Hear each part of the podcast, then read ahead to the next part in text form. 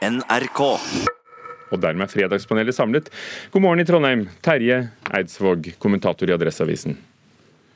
God morgen. Du var der. Det var godt. Ida Madsen Hestmann. I, ja, du er kulturjournalist og kritiker i Dagsavisen.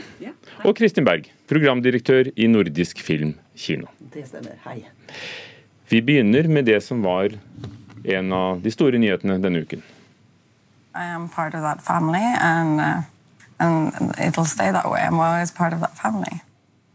Jeg er en del av denne familien, og det vil jeg alltid være, sa prinsesse Märtha Louise til God morgen Norge TV 2 i våres.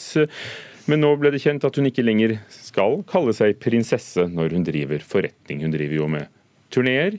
Eh, Sist eh, prinsessen og sjamanen sammen med Durek Verret, som er kjæresten hennes, den får jo da eh, finne et nytt navn på og ha forfattervirksomhet. Dette kan bli vanskelig, særlig i utlandet, sa en merkevareekspert i NRK i går. Første spørsmål. Ble hun presset til å ta denne avgjørelsen, Ida? Tja, vet ikke. Kristin Ja. og Terje. Ja. Hadde hun et valg? Et klokt valg var dette, sa statsministeren. Hadde hun egentlig et valg, Terje Eidsvåg? Tenk om hun hadde sagt det motsatte og statsministeren hadde sagt at det var et dumt valg. Da hadde vi hatt en debatt, da. Men eh, det ville jo neppe eh, ha skjedd. Men eh, jeg er mer litt sånn hoderystende til de her merkevareekspertene som tror at det her vil svekke muligheten til å bygge merkevare i utlandet. Hvor mange kongelige et stykke bak i arverekka i små land er det som har kommersielle internasjonale merkevarer? Den forestillinga her heter jo, som hun har turnert med, eh, heter jo The Princess and the Shaman. Og den har vel så vidt jeg vet bare vært i Danmark utenfor Norge, og også der skapte den vel mest interesse og oppmerksomhet i Norge. eh, Også delvis for at den var i stor grad befolka også fra norske medier. Mm. Nei, hva skal man si? Eh, At det er et klokt valg å droppe prinsessetittelen, det kan vi vel alle være enige om, tror jeg. Eh, For hun har jo ikke gjort det lett for seg selv heller. Den kombinasjonen med prinsesse, engler og sjaman, eh, det er jo, blir jo delikat, en delikat situasjon. Og siden ved bruk av prinsessetittelen også representerer jo folket oss, og også i utlandet. Så, men om hun ble presset? Det tror jeg kanskje, for jeg, hun var jo veldig bestemt selv på å ikke droppe prinsessetittelen tidligere. Men Ida Madsen Hestmann, eh, å selge en eventyrbok i, i en bokhandel i, i London, da, det er jo ikke det samme hvis det bare står Märtha Louise? Nei, det, det tenker jeg òg. At, ja, at eh, navnet er, sier jo alt om hvem du er. Da. Men eh, nei, jeg vet ikke. Jeg begynte bare å tenke på hva min taxisjåfør sa på vei opp hit. Eh, Og han sa at det, det prinsessa driver med, hun drar hele kongehuset ned i okkultismen, og det likte han ikke. Det syntes han ikke noe om. Så jeg tenker at han representerer jo litt av folket. og ja, nei, Det virker som folk er veldig engasjert i dette, da. Så jeg vet ikke. Terje Fogg I 2002, da hun skulle gifte seg, så sa hun fra seg det som er den offisielle tittelen, Hennes kongelige høyhet, og, og begynte å betale skatt. Og, og Hvis man da skal selge, selge det man har, så, så kan man jo ikke noe for at hun er prinsesse, da. Nei, men, eh, men eh, jeg tror eh, at den debatten som har gått siden premieren på forestillinga med sjamanen Du kan jo diskutere i hvilken grad hun har blitt pressa, men jeg tror det reflekterer at man har antenner for hva som rører seg i diskusjonen. Og så har jeg jo inntrykk av at Märtha Louise er kommersielt mest interessant også i Norge. Og her vet jo alle hvem hun er og, og hva, hun, hva hun står for, og også hvilken tittel hun tidligere har brukt. Så jeg, jeg tror ikke det her blir det store problemet. Har det vært en veldig forutsigbar gang i dette for deg som sitter i, i, i media, eh, Ida Madsen Hestmann, å, å se denne debatten eh, utfolde seg? Ja, eller jeg trodde jo egentlig, når jeg først leste om dette for noen dager siden, så trodde jeg jo egentlig at uh, dette hadde skjedd før. Uh, men det var vel da det var snakk om at hun bare skulle jobbe og tjene egne penger. Men da, det var jo da jeg også tenkte at ja, da innebærer det også at man dropper prinsessetittelen, tenker jeg. Men altså, igjen, jeg har jo ikke tenkt så veldig mye på dette her. Jeg er ikke så veldig opptatt av kongehuset. Eh, og så tenker jeg litt at hun og han Durek må jo bare få holde på som de gjør. Men, men ja, det er jo kanskje noe med dette med at man eh, skal tjene penger på navn. Men ja, det syns jeg er litt vanskelig. Ja, altså denne 'Prinsessen og sjamanen', eh, tittelen på eh, foredraget, var vel en spøk i forhold til, ifølge Märtha Louise selv. Men jeg tror jo også at selve sjamanen han syns det er veldig stas å være sammen med en prinsesse, så jeg tenker at han klarer nok også å hype den prinsessetittelen litt ut i internasjonale kretser òg, tenker jeg. Mm. Ja. Og så blir det nok litt lettere for alle, tror jeg, med litt ryddigere forhold. I alle fall her til lands. Nå er det midt i festivalsesongen, og her skal vi høre fra Øyafestivalen i går.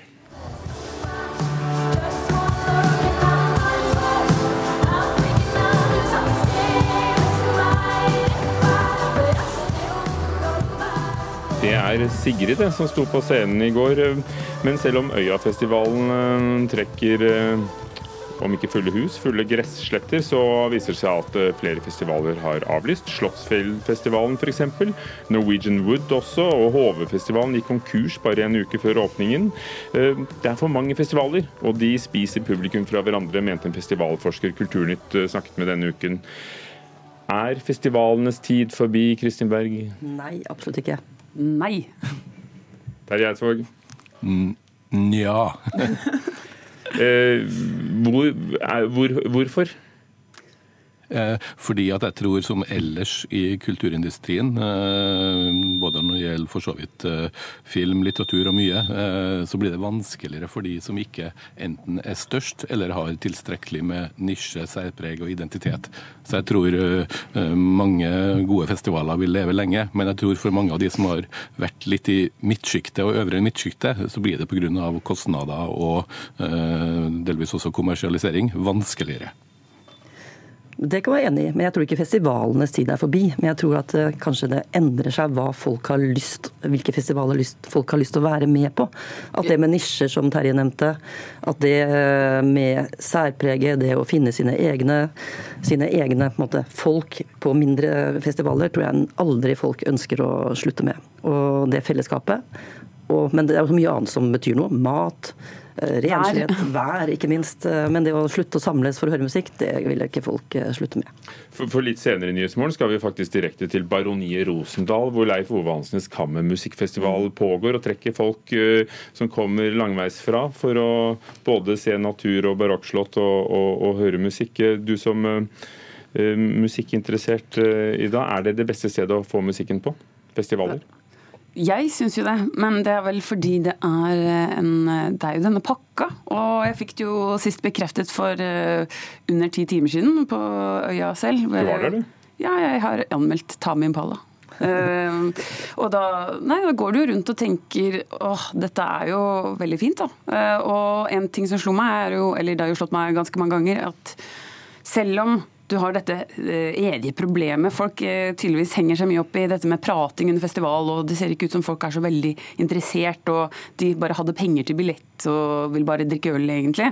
Eh, likevel så ser du at folk får plutselig med seg konserter de kanskje aldri egentlig hadde tenkt å gå på.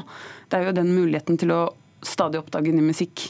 Du får det liksom rett på deg. Så det er jo den komboen der og det sosiale livet og det er jo en helhet eh, det er snakk om. Eh, ja.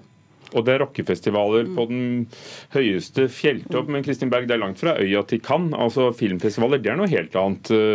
På, på, ja og nei, fordi det finnes også en filmfestival på hvert hjørne bak en, en krok overalt.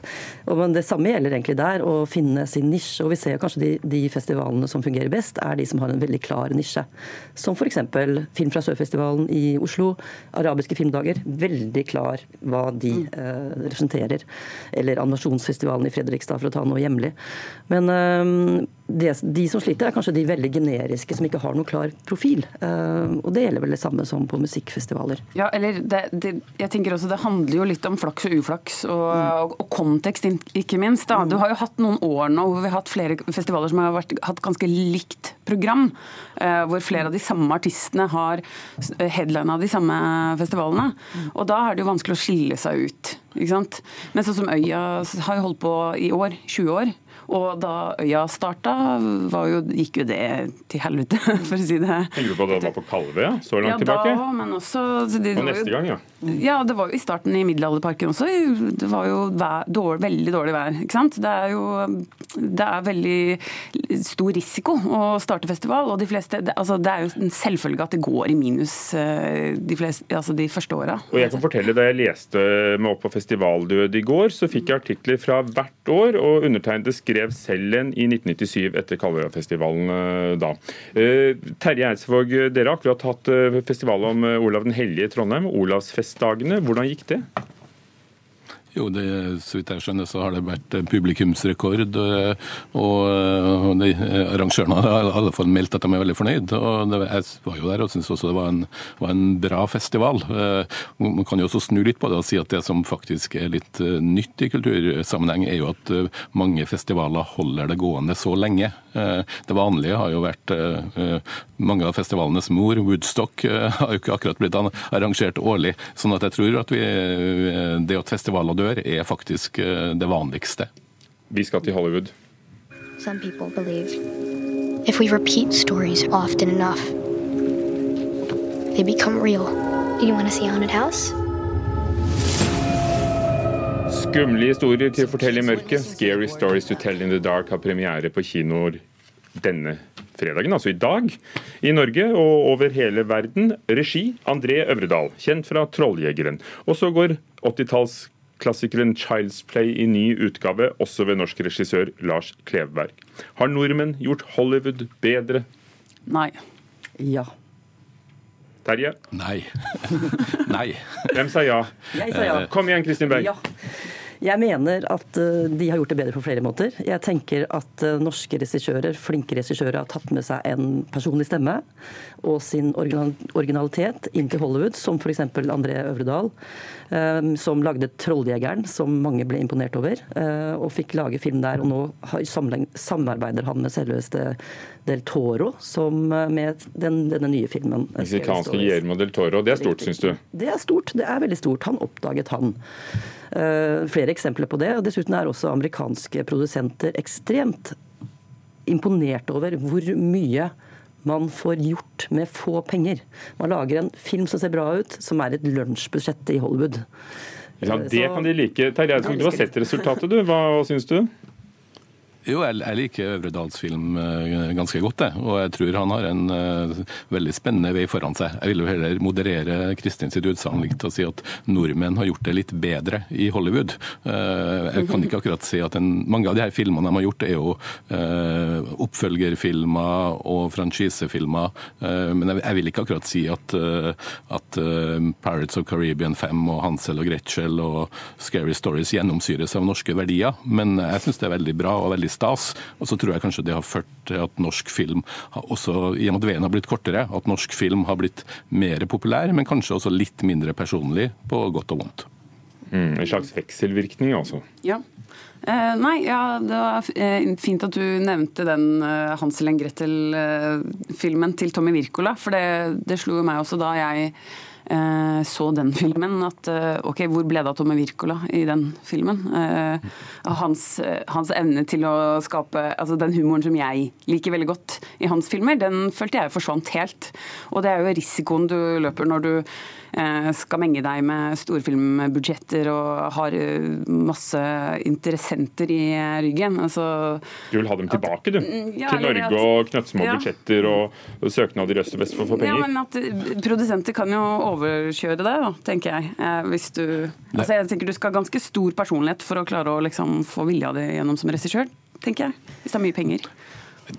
Det er jo bra at uh, norske regissører får prøve seg å lage storfilmer som i alle fall, selv om de får blanda mottakelse i USA, gjør det faktisk kommersielt ganske bra. Men jeg vil jo si at fortsatt så er den beste norske filmen på amerikansk Joachim Triers 'Loaded and Bombs', som i realiteten jo er fortsatt en norsk film. Kristin Berg, slår det an med norske Hollywood-filmer på kino? Både òg. F.eks. Imitation Game, som Morten Tyldum lagde, eh, gikk veldig bra på både norske kinoer og ellers. Og kom jo også markert seg i Oscar-sammenheng. Og jeg mener også at han da kunne bringe inn en liten personlig touch. Eh, så jeg er ikke helt enig i at de, de, kun blir spist opp av Hollywood-systemet. Ikke så mye, men, men, litt. Jo, jo, men altså likevel. Hvordan hadde det vært hvis ikke de norske regissørene hadde da laget en liten touch på det? Jeg tror det hadde gått bra uansett. Det kan tenkes. Ja, kom igjen da, Terje Eidsvåg i Trondheim. Kast det på. Ja, det som kan bli virkelig spennende, er jo når de, hvis de klarer å lage nok gode filmer, så at de får enda større frihet til å lage de filmene de selv eh, virkelig har lyst til å lage. Så jeg, jeg venter jo på at noen skal ta eh, og klare det steget, for da tror jeg det kan bli mye bedre diskusjoner rundt det her. Og da Kristin Berg, får de de største salene hos dere? Det vil de helt klart få, men vi vil jo gjerne ha de tilbake. Vi vil jo ikke miste dem til Hollywood heller, så vi håper jo det de lærer i Hollywood også kan ta med seg noe av det tilbake til Norge. For vi vil ha dem her. På det vanlige lunsjbudsjettet. Takk skal dere ha. Kristin Berg, programsjef i Nordisk Film Kino, Terje Eidsvåg, kommentator i Adresseavisen, og Ida Madsen Hestmann, som er kritiker i Dagsavisen.